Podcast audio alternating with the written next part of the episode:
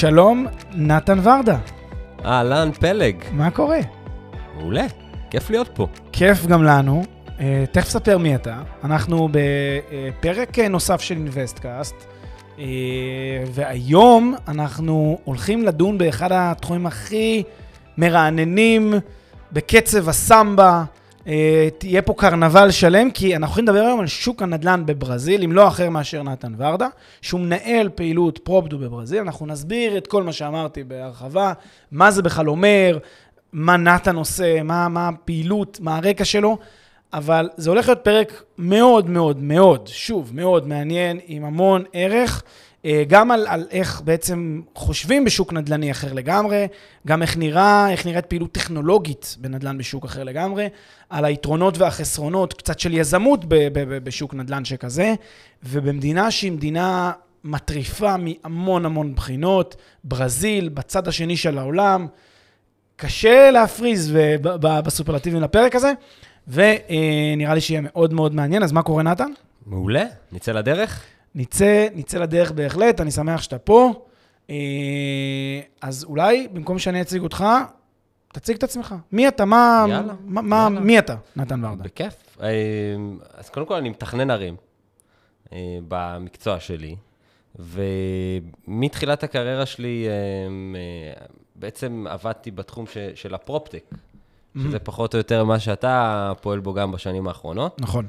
אה, והתחום שמשך אותי יותר דווקא הוא נדל"ן.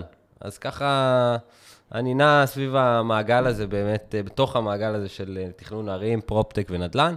PropTech, למי שלא יודע, זה property technology. זה כל התחום שמאוד מאוד צמח באולי שני העשורים האחרונים בכל העולם של נדל"ן. וטכנולוגיה, mm-hmm.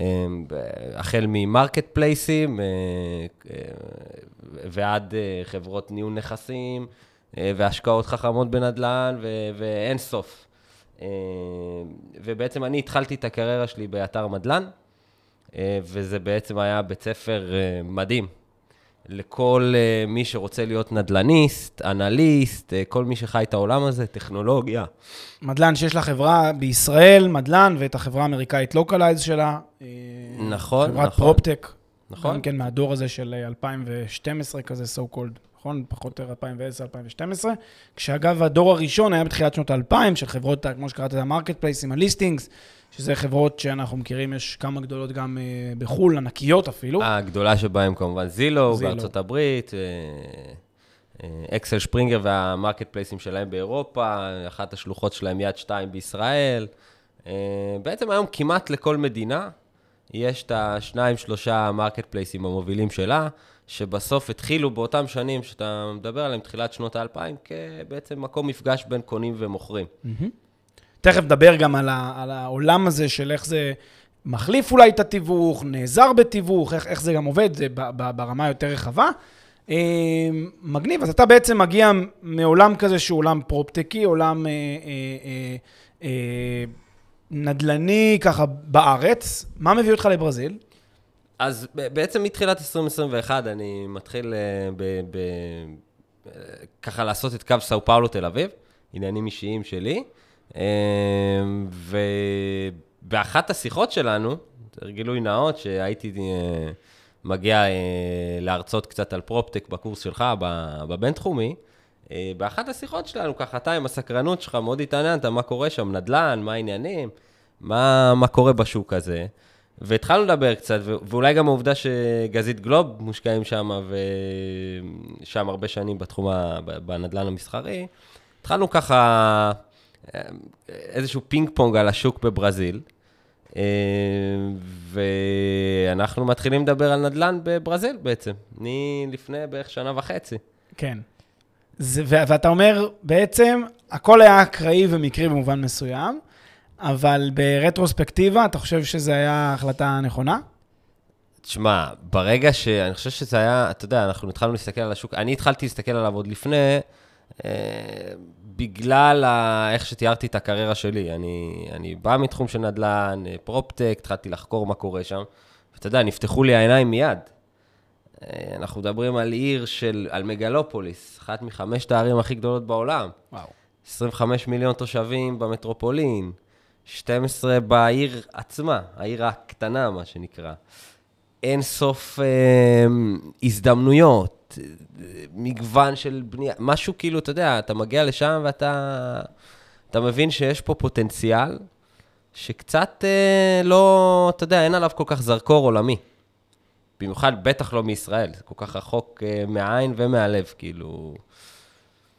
אז, אז הגודל מייצר את הפוטנציאל, ואני עכשיו אולי גם המקום להגיד שבעצם, והנה באמת הגילוי הנאות, אז, אז נתן הוא בעצם מנהל הפעילות של אה, פרופדו בברזיל, ואולי אה, נמסגר את זה עוד טיפה. פרופדו בעצם זו חברת אה, סטארט-אפ שמונפקת בבורסה בתל אביב, חברה ציבורית, שגם עוסקת בתחום טכנולוגיות בנדל"ן, בעולמות הדאטה, בעולמות התמחור, ויש לה פעילות בארצות הברית, בגרמניה, בישראל וגם בברזיל. נתן הוא מנהל הפעילות בברזיל, ובאמת אה, נוצר פה חיבור מדהים בין אה, בן אדם שהוא אה, עם רקע מאוד מעמיק בפרופטק, מגיע מעולמות הטכנולוגיות בנדל"ן, כאמור, ברקע שלו, ומקים פה איזושהי זרוע שאפשר לומר שהיא זרוע עם פוטנציאל, לפחות לטעמי, כן, פה מישראל, עם פוטנציאל אינסופי, כמו אוקיינוס כחול.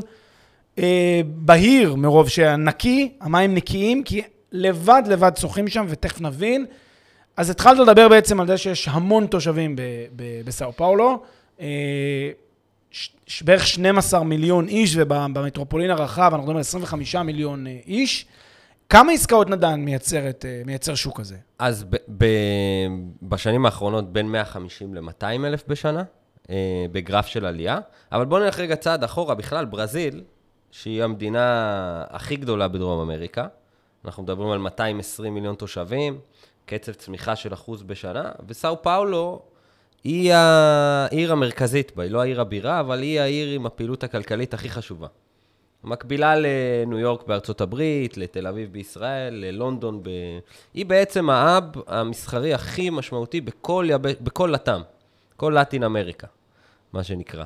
אה, ואתה רואה את זה בנתונים, כאילו מעבר לכמות אוכלוסייה הגדולה, אתה, אתה, אתה מסתכל על, על הנתונים, ואתה רואה שהקצב שה, צמיחה שם הוא הכי גבוה. ה-GDP אה, מסך, מסך ה-GDP של ברזיל הוא הכי גבוה. הוא כן, הוא נע באזור ה-15-20 אחוז. אה, ואז אתה מבין וואו. שבעצם הכל מתנקז לשם. לא רק ברזיל, אלא כל דרום אמריקה. המטבע? המטבע הוא... ריאל? הריאל, אה, היסטורית, הוא מטבע שהוא מטבע די אה, חזק לעומת השקל שלנו.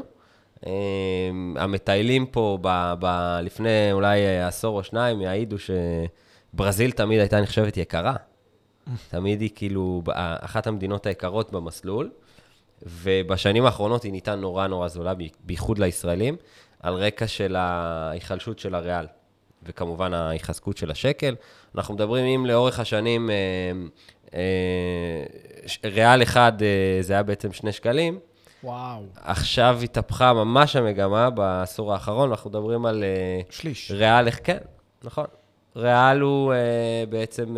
67 אגורות. נכון. וואו.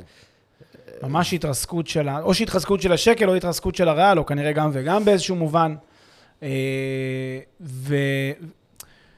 שוק מאוד מאוד שונה, מאוד מאוד גדול, מאוד מאוד אחר. איך בעצם השוק הזה נראה? איך נראה שוק הנדל"ן בסאו פאולו? אז קודם כל, רק כשאתה מגיע לשם להסתכל על השוק, אתה מיד מסתקרן ומתעניין, כי זה שוק שבעצם פועל כבר שנים בסביבת אה, אינפלציה גבוהה וסביבת אה, ריבית גבוהה. מה שמנבאים פה לשווקים המקומיים, גם בישראל וגם אה, בטח למי שמשקיע בארצות הברית ובאירופה. אז uh, מפתיע לראות ומעניין לראות שגם במקומות שבהם האינפלציה והריבית גבוהה, יש שוק נדל"ן פעיל, יש עסקאות, המון, שגם עולות, יש הרבה מאוד יזמים שבונים, uh, והשוק מתנהל בצורה, אתה יודע, בסוף uh, קורים דברים. כן, uh, הכלכלה מנצחת, מה שנקרא. אז זה, זה מאוד מעניין לראות בהקשר הזה. כמובן שהנתוני מקרו משפיעים על, ה, על, על ההשקעות הזרות שזורמות פנימה. אה, אז אנחנו רואים שהאבטלה שם בירידה. כבר הגיעה לממוצע של בערך 9 אחוזים, אחרי שנים שהיא הייתה דו-ספרתית. וואו, 9 אה, אחוזים אחרי הירידה. כן, כן. לא, אז, אז, כבר, זה כבר לא כל כך גבוה. כן. אה, לא יודע, באירופה רק זה... לסבר את האוזן, בישראל השיעורי אבטלה 3 אחוזים, באירופה 3.5, 4 אחוזים ברוב המדינות. שיעורי האבטלה היום כבר במדינות המערביות הם בסביבות באמת מתחת לחמישה אחוזים, אבל כן, תשעה אחוזים זה ללא ספק הרבה יותר טוב מאשר מה שהיה. תראה, כל משקיע נדל"ן מסתכל קודם כל על המקרו-כלכלה, כן. ואחוזי אבטלה ואינפלציה תמיד הם הדברים הראשונים. יש ישראלים, הרבה מאוד ישראלים שמשקיעים בספרד וביוון, כן. מדינות שאחוזי אבטלה שם לרוב אה, דו-ספרתיים. נכון. אז אתה כאילו מדבר על ברזיל, אה, תשעה אחוזים זה אחלה, אחלה אחלה נתון, נתון. גם ביחס למדינות אה, די קרובות אלינו. מה שמעניין, אז, אז השוק שם כאילו שונה מאיתנו בנתוני מקרו, מאוד, אבל במיקרו די דומה. כי גם להם יש בעיית אה, היצע. זאת אומרת, יש היצע מוגבל בסאו פאולו וחסרות יחידות, בהתאם לקצב גידול אוכלוסייה, הם גם גדלים די מהר, שזה גם משהו שאתה מחפש לראות כמשקיע, אחוז בשנה, ויש שם המון חברות אה, יזמיות שבונות, אגב, הרבה מאוד של יהודים, אה, שהשתלטו שם על העסק, shocking. אה, כן, עושים אה, עושים ישראלים. יהודים, תמיד מובילים את הנדל"ן בהרבה מדינות בעולם, זה נכון לא רק לברזיל כמובן. כן. אה, איך, איך חיים שם? איך הברזילאי הממוצע חי? בדירה, בצמוד קרקע, בפאבלה, איך הוא חי? ספר רגע על, על צורת המגורים שם. אז אני חושב שאין לזה תקדים ממשהו שאנחנו מכירים לא בארץ ולא, ב... ולא באירופה, החו"ל שקרוב אלינו. אתה יודע, המגוון הוא כל כך גדול, אתה יכול ללכת ב... ב... ברחוב בסאו פאולו ולראות אה. בסשן אחד, אתה יודע, בטיול אחד, עשרות אה, מגווני אה, התיישבות, ממגדלים לצמודי קרקע, לסגנון הבאוהאוס שאנחנו מכירים מתל אביב. אה, המון אה, דיירי רחוב באזורים מסוימים. אה, בסאו פאולו קצת פחות פאבלות, הם קצת יותר בפריפריה של העיר. אה, וילות במרכז העיר, שכונות שלמות של אה, צמודי קרקע, ממש באזורים הכי יקרים. המון התחדשות עירונית, פינוי-בינוי. יש להם אה, תוכנית מ-2016 שבעצם הגדירה את היקפי הבינוי, אה, חוק חדש, אה, עירוני. אז יש שם תנופה של התחדשות עירונית אה, לאורך קווי מטרו. אז זה נורא מעניין, כי קורים שם המון המון דברים, במיוחד בסאו פאולו, שהיא המרכז של כל הדבר הזה שנקרא ברזיל. אז יש גם הרבה מה ללמוד, אה, וגם הרבה מה לעשות. אז כמתכנן ערים, אתה מגיע לעיר כזאת, אומר, רגע, איפה התכנון פה? זה נראה כמו ג'ונגל. זה קצת אווירה, אווירה של אה, באמת, אה, זה, יש באמת הרבה קצוות. בברזיל, בשונה למשל משווקים יותר מערביים, שיש יותר התפלגות שהיא יותר מאוזנת, כן? יותר נורמלית כזאת של העושר.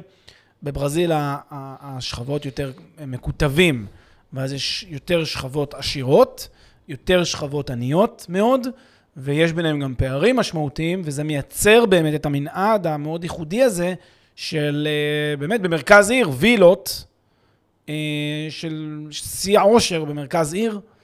אה, כי, זה, כי זה פשוט מאפשר לחלק מהאנשים, יש יותר אנשים שיכולים להרשות לעצמם, כי זה בא על חשבון גם יותר אנשים שלא יכולים להרשות לעצמם.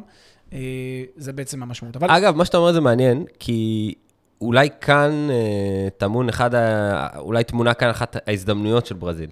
כי אתה מדבר על, אה, על, על מדינה שהיא מאוד מאוד לא שוויונית. בכל המדדים שתסתכל, גם בג'יני, תמיד תהיה בטופ 10 של האי-שוויון. אבל אז אתה אומר, אם אתה תיקח את האחוז, חלק מהאחוז הגדול מאוד של אה, עוני שיש בברזיל, ותהפוך אותו למעמד ביניים, תבין את הפוטנציאל במספרים הגדולים שאנחנו מדברים עליהם בברזיל. כמשקיע זה מאוד מעניין. אה, ואלה דברים שמדברים עליהם כאילו בברזיל אה, שנים, ושאתה רואה את הנתוני האבטלה יורדים, ושאתה רואה את האינפלציה קצת יורדת, אז אתה יודע, זה מתחיל לפתוח את העיניים, זה, זה נורא מסקרן. ולהיות חלק מזה, זה, זה בטח מסקרן מהצד להסתכל על זה, ולהיות חלק מזה, שאנחנו כבר שחקנים בשוק, אה, זה מרגש. תגיד, כמה עולים, אה, מה, מה, מה מצב המחירים שם אה, בשוק בעצם? אז מה, מה, מה המחיר הממוצע של דירה בישראל? 1.7? בישראל 1.8, 1.7, 1.8? 1.9 היום כבר. אז, אז בסאו פאולו, אנחנו מדברים על 700 אלף ריאל, מחיר ממוצע. שזה בערך 600... אה, 700 אלף 500 ריאל, אלף אנחנו שקל. מדברים בערך, כן, 450 ל-500 אלף שקל. וואו. אה, בעיר הכי, דיברנו כבר איזו עיר זאת, ו, ובאזור טוב. 700 אלף אתה קונה דירה טובה. בוא נשווה את זה רגע לרמת השכר. רמת השכר הממוצעת, אז אוי, זה, זה קצת, אה, זה, זה, המשכורת הממוצעת בס- בסאו פאולו, שהיא העיר הטובה, זה 2,600 ריאל. שזה בערך ואנחנו 2,000 שקל. בערך, זאת כן. אומרת, אה, אה, הם משתכרים בממוצע משהו כמו שישית או שביעית, שישית בערך מהשכר הממוצע בארץ, שישית מהשכר, אבל הנכסים עולים שליש או רבע מהנכסים בארץ, זאת אומרת, אפילו כוח הקנייה שלהם, של, של בתים אפילו יותר נמוך. כלומר, נכון. הם צריכים יותר משכורות בממוצע כדי לקנות נכס. נכון, אבל יש להם תוכנית מקבילה למחיר למשתכן, שהיא קצת מטיבה עם מי ש... קצת הרבה מטיבה עם מי שלא מגיע להכנסה גבוהה. ואגב, היא גם זו שמאוד מאוד דוחפת את השוק קדימה בשנים האחרונות. אמ, אנחנו מדברים על קאסה ורג'י אמרלה, אה, מה שנקרא בית אה, ירוק וצהוב, בתרגום לעברית, אה, שזה בעצם תוכנית שנותנת מינוף גבוה מאוד למשפחות מעוטות יכולת, וגם ריביות נמוכות. זאת אומרת, אם אתה תלך כקונה פרטי שאין לו את ה... אתה יודע, שלא מגיע ל... ל לא עומד בתנאים האלה, אה, למזלך, מה שנקרא, הריבית שלך היום היא בסביבות ה-13 אחוז. וואלה. אה, 13-14 אחוז. והריבית שם היא הרבה יותר נמוכה בתוכנית הממשלתית. אז זה בעצם דוחף אה, שתי תנועות מאוד חזקות. מצד אחד, הרבה מאוד יזמות, הרבה מאוד יזמים שבונים באזורי פריפריה של סאו פאולו והמון בנייה חדשה. אה, אתה יודע, אה, בנייני מגורים, מגדלים. מהצד השני, הרבה מאוד אה, אנשים שלא הייתה להם את האפשרות לפני זה לקנות, שקונים. אז אחוז מאוד גבוה מהעסקאות שדיברנו עליהן, מהעלייה בעסקאות, מגיע מהסגמנט הזה. כן, כן. תגיד, אה, עוד לפני, אני תכף רוצה לשאול אותך קצת על, על יזמות של ישראל, יזמות בכלל בברזיל ויזמות של ישראלים בברזיל והקשר בין ישראל לברזיל, שגם מאוד מעניין, אני חושב. קצת על התיירות, שוק מאוד תיירותי, בעיקר אה, תרמילאים, אבל לא רק. מה, מה קורה בשוק? לא, לא, ממש לא. דווקא סאו פאולו היא לא עיר של תרמילאים. אה, היא עיר שלסקרנים פה בפודקאסט, ואני הבנתי שיש לך הרבה כאלה מאזינים אה, קבועים שהם אה, סקרנים ונדל"ניסטים, שווה לפתוח את ה-Airbnb אה, ולראות מה קורה במרכז סאו פאולו, זה נורא מעניין. על דירות שאתה קונה במחירים שדיברנו, ב-600-700 אלף ריאל, אתה גובה ללילה בערך בין 150 ל-250 שקל וואלה, ב-Airbnb. וואלה. עכשיו, זה ביזנס, כאילו, איפה. שאני הייתי גר, במרכז העיר, זו שכונה כזה כמו לגור ב- בפלורנטין, אה, המון המון דירות נפתחות לשוק. יזמים כבר בונים, המון מהבנייה החדשה, הם בניינים שמחולקים לדירות סטודיו, שיש להם כניסה נפרדת, וכניסות למגורים. ואז הסטודיו הם להשכרה לטווח קצר, ו... וזה מותר באותו בניין שיהיה לטווח קצר וטווח ארוך? כן, בת- בתקינה שם. כן. וואלה. דירות של אה, 25, 30 מטר כן. נהיו מאוד מאוד נפוצות בסאו פאולו. מדהים. אה, אז בואו בוא, בוא נלך צעד קדימה. בואו ניכנס בעצם לעולם היזמות בברזיל. סקרנו קצת את השוק, שוק באמת מאוד מאוד מעניין, מאוד מקוטב, מאוד מגוון. לדעתי, כאמור, אוקיינוס כחול, וגם תכף נבין אה, עוד יותר למה. בואו נדבר רגע על, על, על הזווית רגע שלנו כיזמים, שנכנסים לשוק הברזילאי, אבל נתחיל רגע מהזווית הישראלית. איך, איך היום השוק הברזילאי אוכל את היזמים הישראלים, הוא אוכל בכלל את ישראל? איך, איך הקשר? אז צריך להגיד פה, שאלה מצוינת, צריך להגיד פה שני דברים. קודם כל, אני אגיד לך משפט שאמרו לי הישראלים שגרים שם. אחד הישראלים שפגשתי, אמר, ו- ואני מאוד, מאוד מתחבר. ברזיל זה אולי המקום השני בעולם שהכי כדאי בו להיות יהודי, או ישראלי. זאת אומרת, יש פה, יש פה יחס, אם, אם, אם באירופה או במקומות מסוימים בעולם מדברים על אנטישמיות, הייתי אומר שבברזיל זה הפוך. יש הערכה גדולה מאוד ליהודים. זאת קהילה קטנה, מאוד מצליחה, אה, מאוד מעורבת, אה, יש... ו- וגם ישראל, מסתכלים על ישראל, אתה יודע, באיזושהי אה, הערצה, הערכה, בין אם מהפן הדתי ובין אם מהפן העסקי. אה, וזה, אלה דברים שכיף לראות, ואתה מרגיש אותם גם בפגישות שלך עם, עם אנשים מקומיים, עם יזמים. אה, יש להם המון סקרנות, הערצה וכבוד ורצון. אה, זאת אומרת, זה שאתה ישראלי פותח עוד, דלתות. שזה נורא כיף לפעול ב- בסביבה כזאת. זה דבר אחד. דבר שני, באופן כללי צריך לזכור שה... ה- סאו פאולו היא בסוף האב המסחרי של כל דרום אמריקה. זאת אומרת, כל חברה אמריקאית, אסיאתית, אירופאית, שמכב... שמכבדת את עצמה, מגיעה קודם כל לסאו פאולו. פותחת קודם כל בראנץ' בסאו פאולו. אז זאת עיר שמרכזת אליה המון זרים, אז הם כבר רגילים לזה, הם רגילים שמגיעים לשם אה, מכל העולם, והם פתוחים מאוד לעסקים. והדבר השלישי שהייתי מוסיף, שברזיל היא אולי המדינה היחידה שהיא לא סוציאליסטית סלש קומוניסטית בדרום אמריקה. ראה ערך מה שקרה בוונצואלה וארגנטינה, שהיא מדינה מאוד שמאל כלכלי. הברזילאים הם אה, בקטע הזה מאוד מזכירים את האמריקאים. קפיטליסטים, ביזנס אוריינטד, וכאילו, בוא, זה ה... ה- The New Land, מה שנקרא. בוא, בוא תעשה עסקים. זה מעניין, זה דווקא מאוד מעניין, כי יש לי, אני חושב, לרוב המאזינים, לי, אה, בוא נגיד לפחות עד לפני שהתחלנו את הפעילות בברזיל, היה הרבה סטיגמות או הרבה דעות קדומות ביחס ל- ל- לשוק הברזילאי בכלל, ובדרום אמריקה כמובן אה, יותר בכלל, אה, ש... אתה יודע, מדינות אה, עולם שלישי, פשע, אה, מדינות אה, בעייתיות מאוד, מושחתות מאוד, וזה הרבה פעמים מתכתב באמת עם, עם יותר כלכלה ריכוזית, קומוניסטית, סוציאליסטית. אתה אומר, בברזיל המצב יותר טוב. לא הייתי מרחיק לכת, אומר, עד לרמה של ארצות הברית, אבל בוא נגיד, במנעד הוא בוודאי לא ונצואלה. נכון. נכון. וזה, וזה מאוד אה, חשוב, מאוד מעודד יזמות שם, ו... ואז אתה מגיע, כשאתה מדבר על לעשות עסקים, לפן האישי.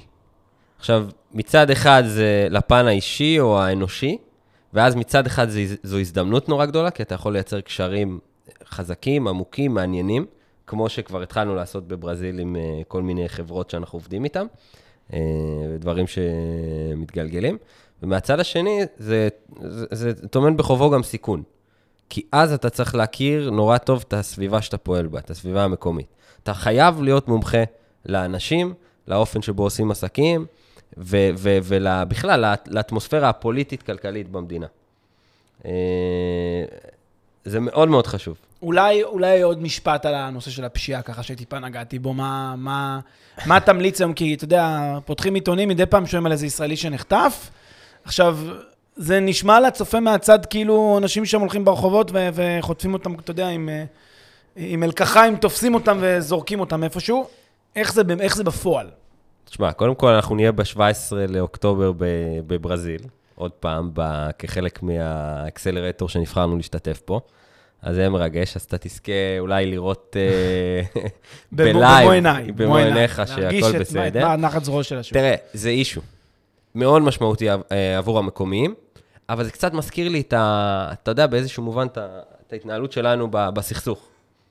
אה, שכאילו, אתה יודע, זה יושב בראש של הישראלים, זה נורא נוכח, אבל כשיש אה, אזעקות ואתה יודע, התראות בעיר מסוימת, בדרום או בצפון, אנשים פחות מרגישים את זה, ודווקא מי שבחו"ל, זה יותר נראה לו כאילו יש פה איזשהו כאוס ו... זאת אומרת, חיים עם זה, זה מה שאתה אומר.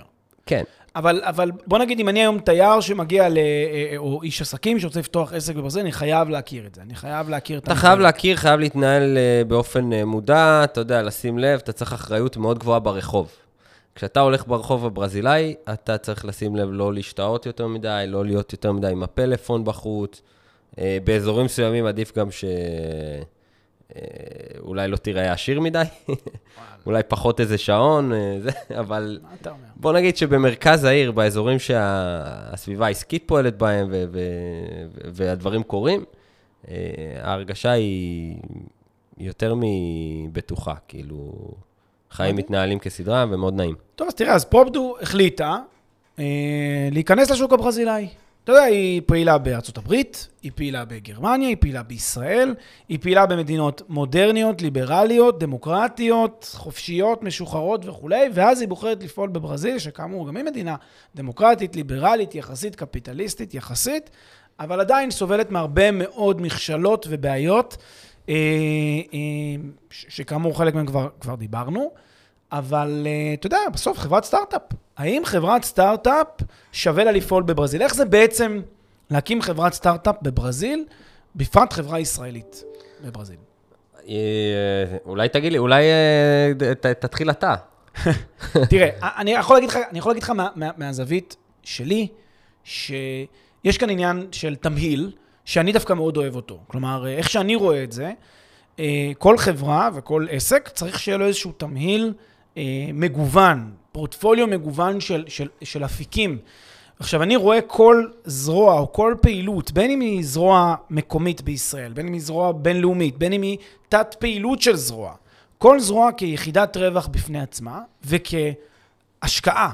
כלומר, כשאנחנו בוחרים בפרופדו להיכנס לתחום מסוים או לעשות פעילות מסוימת, אנחנו רואים אותנו כמשקיעים בפעילות הזאת. אנחנו מגייסים אה, מישהו או מישהי מצוינים שיובילו את האירוע הזה, ואנחנו משקיעים בהם, אנחנו רואים אותם כאילו הם יזמים ביחד איתנו, ואנחנו בעצם אומרים, אנחנו מהמרים על השוק, על, על, על הסביבה, על הזרוע הזאת, כזרוע שיכולה לייצר ROI, כן, return of investment, חיובי, גבוה ככל הניתן. מאחר שאנחנו גם מסתכלים כמכלול על, על פורטפוליו שלם של השקעות, יהיה זה בישראל בכל מיני רכיבים, יהיה זה בארצות הברית, יהיה זה במדינות נוספות שאנחנו כבר שם ועוד נגיע בעתיד, אז ברזיל היא עוד, עוד אחת מהזרועות. ועכשיו, היא דווקא במובן הזה, ואני אומר לך את זה המון בשיחות בינינו, היא כמו המנוע הצמיחה לדעתי המעניין ביותר, המסקרן ביותר, לדעתי החזק ביותר שיכול להיות כאן, כי יש כאן באמת אוקיינוס כחול, כי יש כאן באמת הזדמנות ליזמים שהם, שהם אה, אה, מזהים את, ה, את היתרונות לצד החסרונות. ואמרת משהו מאוד מאוד נכון קודם, שאני מאוד מתחבר אליו. צריך גם לדעת לשחק את המשחק בשוק הנכון, בשוק הרלוונטי.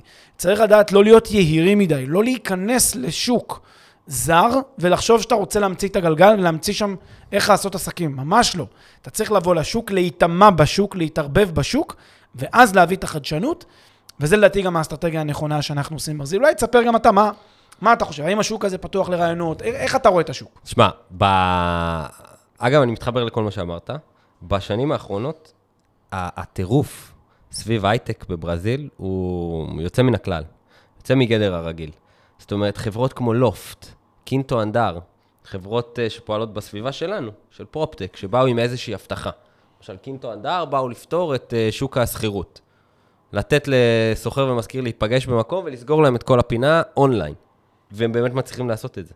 והם גייסו כמעט מיליארד דולר כדי לעשות את זה. הם עדיין לא חברה ציבורית.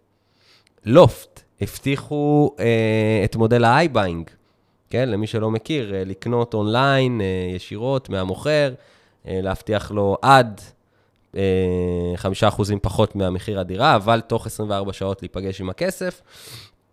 באו עם הבטחה גדולה, גייסו 800 מיליון דולר.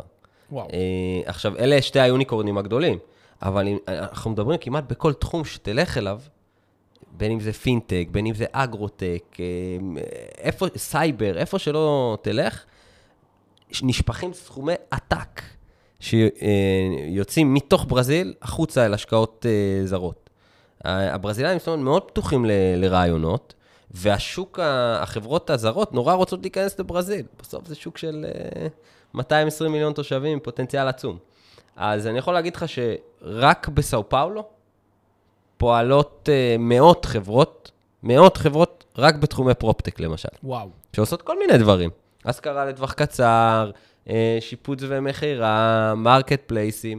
המון חברות, שזה... זאת אומרת, ו- וזה דבר שקרה, ב, ב, בוא נגיד, בעשור האחרון ביתר שאת. כלומר, לא ראו את זה לפני 20-30 שנה, כמו, באר, כמו בארץ, שכבר, אה, אתה יודע, יוסי ורדי עם ICQ כבר משנות ה-80. נכון. נכון.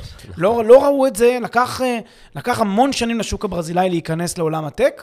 אבל כשהוא נכנס, הוא נכנס בעוצמות הברזילאיות. בעוצמות הכי גבוהות, ואתה יודע, אתה, אתה היית בכנס שבעצם באו לפה, נכון, לפני כמה חודשים. נציגים ברזילאים, בוודאי, ברזילאים, כן. ברזילאים, להתרשם מהטכנולוגיה הישראלית, כן. וקראו לך להרצות להם, אה, וזה מדהים, פגשת את האנשים. אתה רואה את האנשים האלה שהם יושבים, זה מבחינתם כמו היה Music to the Rears, לשמוע... טכנולוגיה כחול לבן במשרדים המפוארים פה של, של, של החברות בארץ, זה בהחלט עשה להם. חשוב להגיד, זה בעצם אה, קבוצה של אה, סקובי, כן. שזה בעצם כמו התאחדות הקבלנים, מקביל להתאחדות הקבלנים, אנחנו בקשר איתם, אנחנו עובדים איתם עם נתונים, אנחנו מספקים להם, הם מספקים לנו. אה, באמת היה משלחת מדהימה. תגיד, ובהקשר הזה, כמה עולה להעסיק עובדים שם מבחינה, נגיד, בעולם הטק?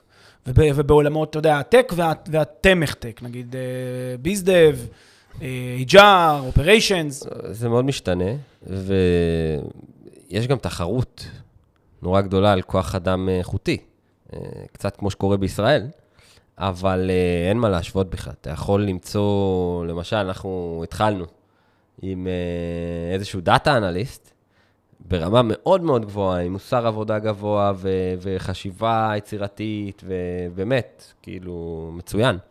ומשכורת, למשל, של עובד כזה, אה, אנחנו מדברים על בערך 3,000 שקל. וואו. ומשכורת של מתכנת. רק מנוסה. לסבר את האוזן, דאטה אנליסט, בוא נגיד בישראל, ברמה טובה, עם, עם, עם, עם יכולות, עם משמעת, יכול להגיע בין אה, 20 ל-30 יכול להיות בחלק כן, מהמצבים. נכון. ותוסיף על זה מתכנת, שזה בעצם הכוח שאתה אתה צריך כשאתה מכיר חברה טכנולוגית אה, כדי לפתח מוצרים בזריזות. אה, מתכנתים, אנחנו מדברים בסביבות ה... בין 12 ל-20. וואו. 12 ל-20 אלף שקל, זה פ- פחות מחצי חצי. ממה שאנחנו מכירים מישראל. אז זה נותן לך בעצם את היכולת לפעול במהירות עם הון יחסית... אה, ו- ועכשיו יבוא. יבוא מישהו ויקשה עליך ויגיד, בסדר, זה, זה, זה קל, אבל זה קל לגייס אותם, אבל איך לנהל אותם? האם זה אותו משמעת שיש לך של עובד אה, מערבי? אז זה שונה לגמרי. אה, המוסר עבודה הוא גבוה. הברזילאים אה, באים לעבוד, עובדים קשה, הם נורא הפתיעו אותי. יש לנו בצוות בפרופדו כבר שישה אנשים, והיד עוד נטויה, אנחנו עוד מגייסים. ואנשים מאוד מאוד רציניים, באים לעבוד, אה, חרוצים, דייקנים, אה, הפתיעו אותי מאוד לטובה. ההבדל ביניהם, ואולי אה, בין, בינינו, היא ה... וזה אולי אחד, ה... אחד היתרונות של הישראלים, בעצם הגמישות, גמישות מחשבתית וגמישות גם בעשייה. היכולת שלנו לשנות, אנחנו הרי בפרופדו וגם במקומות אחרים שהייתי, היכולת אה, להתנהל בתוך איזשהו פרויקט היא נורא גבוהה. ושם זה לא ככה. זאת אומרת, צריך להיות מאוד עדין, יש גם רגישות נורא גבוהה. הם, הברזילאים מתוקים, מאוד מאוד, מאוד רגישים.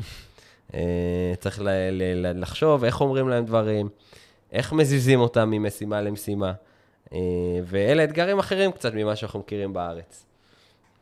מגניב. אה, באמת אה, מאוד אה, מאתגר. אגב, זה בכלל נכון לעבוד בשווקים בינלאומיים. אגב, בארצות הברית נתקלתי בקושי הכי קשה לעבוד מול, לאו דווקא עובדים, אבל נותני שירותים, ביכולת למצוא אג'יליות מחשבתית או איזושהי קצת יציאה מחוץ לקופסה, כי זה מאוד מאוד קשה שם. המרובעות הרבה פעמים מאוד גבוהה, בקרב במיוחד בנקים ועורכי דין ו- ויועצים שונים. מאוד מאוד מרובעים, מאוד קשה, מאוד שונה מישראל. אבל הפתיחות. העסקית היא הכי גבוהה. זאת אומרת, להקים העסקית- חברה ב- כן, בארצות אה, הברית, הבירוקרטיה העסקית היא יחסית מהירה, הרבה ממנה דיגיטלי, הרבה מאוד מהיר, paperless, כאילו, הכל נורא פשוט, אבל אה, כאילו, כשצריך לעשות שינויים ו- ו- ו- ולסטות קצת מה, מה, מהדברים האורדינריים, אז, אז אתה כבר פתאום קופץ ל- לעולמות הרבה יותר מורכבים. וזה מוביל אותי לשאלה באמת על שיתופי פעולה. כלומר, האם קל לבצע שיתופי פעולה בברזיל? האם אתה נתקל באוזן קשבת של השוק, או שאתה... או אז שזה הנה, לא אתה, מעניין? אתה יכול להגיד, אנחנו בסופו של דבר הגענו לברזיל, אף אחד לא מכיר אותנו, אה, אנחנו חברה ישראלית, out of nowhere, מי החבר'ה האלה? עם כמה אנשים נפגשנו השנה, וכמה רעיונות עלו, וכמה הצעות ואופציות לשיתופי פעולה, וגם דברים שקרו. כמות מטורפת. מטורפת, בתקופה יחסית מאוד אה, קצרה שאנחנו נמצאים שם. הברזילאים נורא סקרנים. אה, תוסיף את זה, לזה את הפקטור ש, שאנחנו ישראלים, שזה מאוד אה, מעניין ומייצר הערכה מהצד השני. ושאנחנו פועלים בשוק שיחסית כאוטי, עם המון הזדמנויות. זאת אומרת, חברות, ברגע שהם שמעו שאנחנו יודעים לייצר הערכת שווי אוטומטית לנכסים, משהו שעשינו די מהר בברזיל, היינו מקבלים אה, כל שני וחמישי, אני בטח אתה זוכר, פניות מחברות הכי גדולות בשוק, שמביאות אותנו, ואיך אתם עושים את זה? תגלו לנו מה הסוד. כאן אני רוצה להגיד לך משהו לגבי ההבדל אולי בין ישראל לברזיל, שגם כן הדליק אותי מאוד מהר. בישראל, כשאתה מקים סטארט-אפ, אחד הדברים הקשים ביותר זה לקבל אוזן קשבת אצל איזשהו שחקן רציני. אני לא מדבר איתך עכשיו, אתה יודע, אצל איזה אנשים פרטיים שסתם ככה שומעים וזה. ללכת לשבת עם חברה גדולה, לשבת איתם לשיחה, אפילו לגנוב איתו כוס קפה למטה בבית קפה מתחת למשרד שלו. לא מדבר איתך אפילו לעלות אליו למשרד לשבת, כן? למטה, אני מזמין. אפילו זה, אתה לא מצליח, הבן אדם לא עונה לך, לא זמין, אתה מפעיל קשרים רק כדי שבכלל יענה לך לוואטסאפ. מצד שני יש ישירות. יש ישירות, לך. עד שאתה מגיע לזה. בברזיל, לעומת זאת, אתה יכול להגיע גם לשבת עם ה top של ה top במרחק של אה, שליחת מייל או, או, אני, או אני, דרך בן אדם כלשהו. זה כל כך נכון, אני יכול להגיד לך, היינו בפגישות, שלפעמים כאילו ב, ביחס לזמן שהיינו, אתה יודע, תפסתי את הראש, אמרתי, אני נמצא עכשיו בפגישה עם אחת החברות נדל"ן הכי גדולות בברזיל, והם אה, רוצ, מתעניינים בטכנולוגיה. והם היוזמים של הפגישה. כן, הם מזמינים, מזמינים אותם, תגיע עכשיו. מדהים, מדהים. ו... זה מאוד מאוד שונה, וזה הופך את, ה, את, ה, את העשייה היזמית להרבה יותר מהירה, הרבה יותר טובה, כי היא באמת מבוססת על צורך. אתה רואה כאילו שהם צמאים. אז בוא, בוא נגיד דבר שלא דיברנו עליו. אחת הסיבות שגרמו לנו להבין שברזיל אולי הוא, הוא, הוא, הוא השוק הנכון בשבילנו, זה שכשהתחלנו להסתכל מה קורה בשוק מבחינת מחירים, אז קודם כל זיהינו שאין אה, מאגר מידע פתוח, זמין אה, ומדויק של מחירי נדל"ן. אתן לך הדברים הראשונים ששמנו לב. עכשיו, מה קורה בשוק כזה? כנדל"ניסט, כחברת uh, טכנולוגיה זה גן עדן. כי אתה אומר, טוב, אז יש לי הזדמנות. כנדל"ניסט זה עוד יותר הזדמנות. כי המאזינים שלנו צריכים לדמיין את השוק פה, בישראל, לפני אתר רשות המיסים, לפני מדלן שבאו ושמו את המחירים על uh, איזושהי מפה, לפני פרופדו שנותן את הערכת מחירים מדויקת. ללכת 15-20 שנה אחורה, שאתה פשוט יכול לחרוש עם הרגליים שכונה מסוימת, ולדבר עם הגברת uh, מקומה אחת, או עם הספר, או וואטאבר, ולהביא עסקה ב-30 עד 50 אחוז פחות ממחיר שוק. מדהים. עכשיו, uh, יש חברות, שאגב אנחנו מכירים, ואתה גם uh, דיברת איתם, ואנחנו, בוא נגיד, פועלים איתם ומולם, שעל זה מבוסס המודל העסקי שלהם. חברות שפשוט עושות אה, עשרות אם לא מאות פליפים בשנה על הבסיס הזה של הערפול בשוק. עכשיו, אנחנו תוך שלושה חודשים הצלחנו לייצר יתרון תחרותי שמבוסס על בסיס הטכנולוגיה שלנו. פשוט הגענו לשוק, עשינו את ההתאמות, עשינו את הקשרים הנכונים, משכנו את המידע שאנחנו צריכים, והיום אנחנו יושבים על זהב. אה, וזה אחד הדברים שכאילו, אני כ, כיזם, כמישהו שעבד ב proptech, הייתי מופתע מה, מהיכולת המהירה שלנו להגיע, כאילו, לעשות execution, ולהגיע למשהו, כאילו, שיש לנו כבר, כדי לתת שירות ול, ו, ולתת אה, ערך אה, אה, נדל"ני אמיתי. ואני חושב, ואני חושב שהרבה מזה נובע בגלל ש... כיזמים, אנחנו, יש לנו הרבה פעמים נטייה אה, לעשות, אתה יודע, דברים שהם נורא נורא שגרתיים ונורא נורא במוסכם. סתם אני אתן לך דוגמה. אה, יש אה, בועה של עכשיו לעשות, לא יודע מה, פלטפורמות כאלה של פרימיום, אז אתה עושה מוצר חינם ואז בתשלום. ויש עכשיו בועה של לעשות... אה, להשתמש כולם באיזושהי מערכת של CRM, אז עכשיו כולם משתמשים במערכת של ה-CRM. אתה נורא נורא הולך בתלם. אותו דבר, ארה"ב, כולם רצים לארה"ב, אז הדבר הראשון שאתה עושה, אתה שופך המון כסף לארה"ב כדי להצליח בענק בארה"ב, כי אתה חושב שרק שם זה יכול להצליח. ואז יש איזושהי עצימת עיניים להזדמנויות, שהן הזדמנויות הרבה יותר טובות, הרבה יותר יעילות, הרבה יותר נכונות מסחרית. עכשיו, זה לאו דווקא מוציא, זה לא אומר במקום, זה לא אומר ברזיל במקום ארצות הברית, אבל מאחר שברזיל באמת הרבה יותר זולה, הרבה יותר כלכלית עושה שכל, כאמור, שכר עבודה שם של אנליסטים, של מהנדסים, הוא בערך חצי, שליש מאשר השכר המקביל בישראל, אם לא, אם לא אפילו פחות. המשמעות של זה זה שבעלויות יחסית נמוכות, אפשר בעצם להגיע גם לשוק הברזילאי, אפשר גם לבדוק אותו, ואז כשאתה שם, אתה כבר רואה גן עדן, אתה רואה מין כזה אוקיינוס כחול של הזדמנויות, שאני חושב שזה באמת רק מי ש... אה, כמו הביטוי הקלישאתי, רק המעז מנצח. וזה באיזשהו מובן, אני, אני חושב שמאוד אה, אה, אה, נכון. אגב, כשאתה מנתח את השוק הברזילאי מול השווקים האחרים, אתה הרי פועל בשוק הפולני. והגרמני, ובניו יורק וביוסטון. תראה. יש לך אה, קילומטראז', מה... אני מכיר שווקים בינלאומיים, בוא נגיד די טוב, ואני יכול להגיד לך שאני מוצא, ב... אין, אין, אין, תמיד שואלים אותי, כאילו, מה, מה הכי מומלץ? נגיד גם בארץ, מה הכי מומלץ? האם הכי מומלץ אה, לקנות דירה בבת ים, או לקנות דירה באיזה קיבוץ מה בצפון? באמת? אני סקרן. אז אין, אין תשובה הכי מומלץ, כי זה, זה באמת תשובה שהיא מאוד מאוד תלויה בהרבה מאוד דברים. היא תלויה ב, ב, בסט נסיבות מאוד ספציפי, ולכל דבר יש את היתרונות והחסרונות שלו כפונקציה של השאלה, ולכן זה קצת, קצת, קצת קשה להגיד תשובה מה מומלץ. אה, אה, וכך גם בקשר לשאלה איזה מדינה יותר מעניינת. אני יכול להגיד לך למשל פולין, במובן הזה מאוד מזכירה לי את ברזיל, ו- ו- ולהפך. הם שני שווקים שהם שווקים מתי גדולים. הגעת לפולין, אגב? 2000 והרבה שנים אנחנו פעילים בפולין כקבוצה, אני אישית כבר ב-2014-2015 כבר בפולין, אה, כבר עוד מעט עשור, אבל אפשר לומר שההכרה שלנו, ההבנה שלנו של היתרונות בפולין, זה כשאתה נמצא דווקא באזורים הלא תיירותיים, דווקא באזורים האלה, כמו שקראת לאזורי הפשע והרשע, האזורים האלה שבדרך כלל לא נכנסים אליהם, זה תמיד אני מספר דוגמה, גם בקורסים וגם בפודקאסט, אני מספר תמיד שבפעמים הראשונות הייתי שואל מדריכי טיולים, הייתי אומר להם, איפה אתה ממליץ לא לטייל? ואז הוא אומר, מעבר לנהר, אל תעבור את הנהר. מה שקורה מעבר לנהר, השם ישמור. דווקא לשם הלכתי.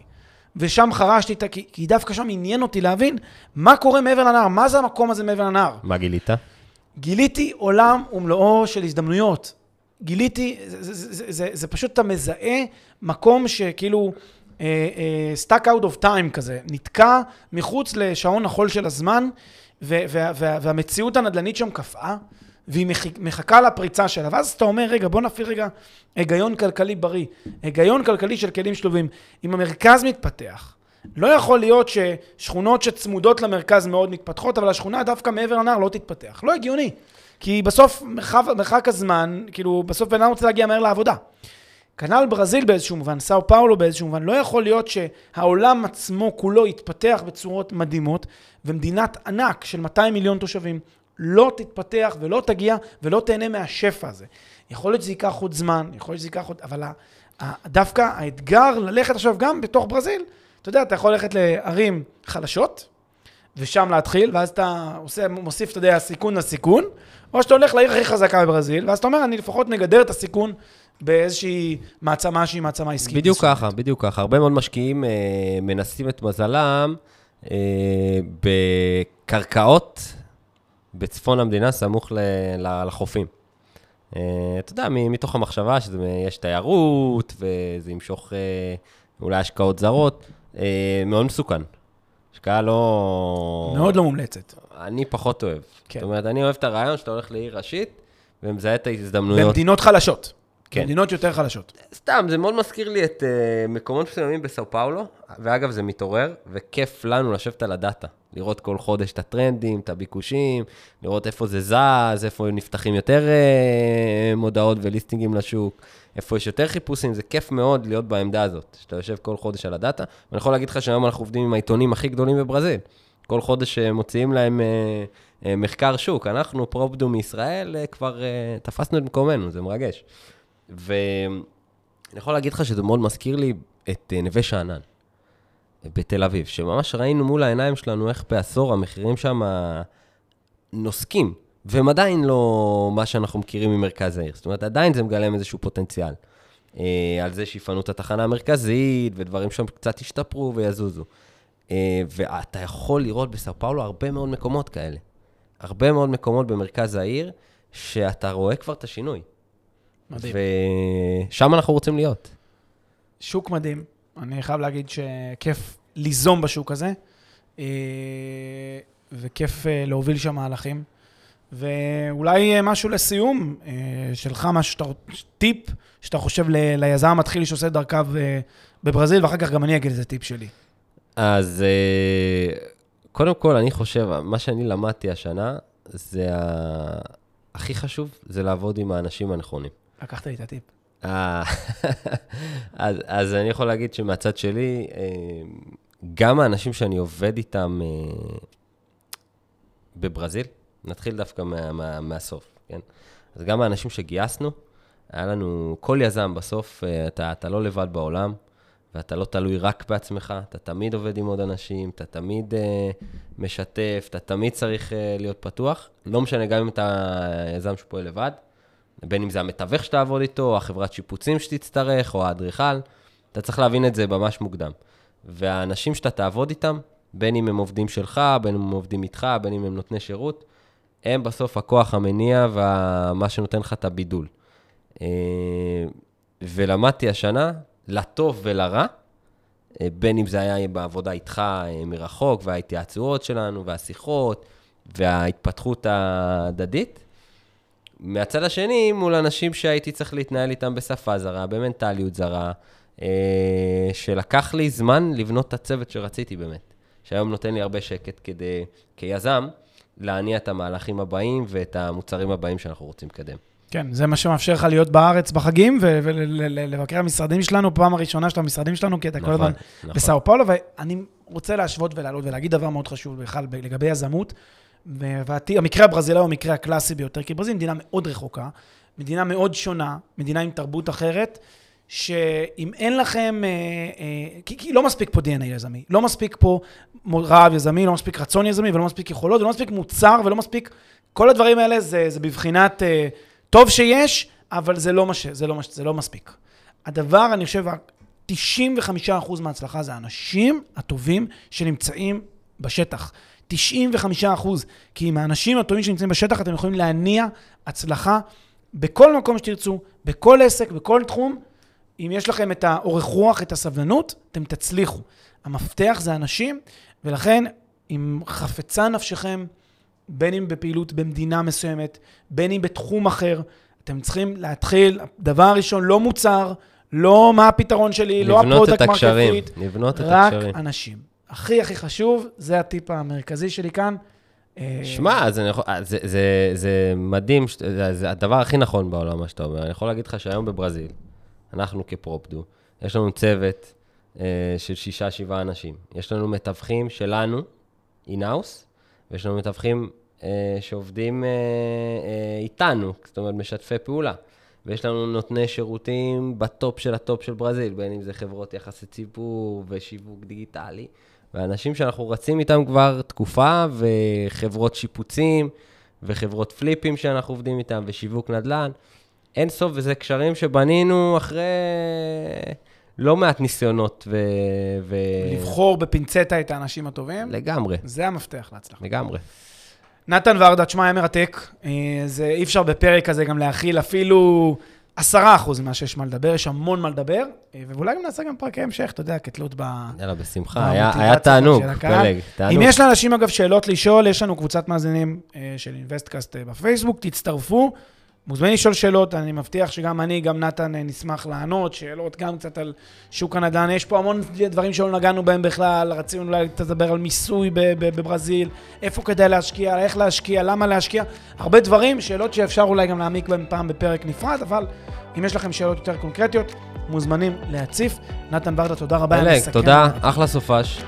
אחלה סופש. וחג שמח. חגים שמח, שנה טובה.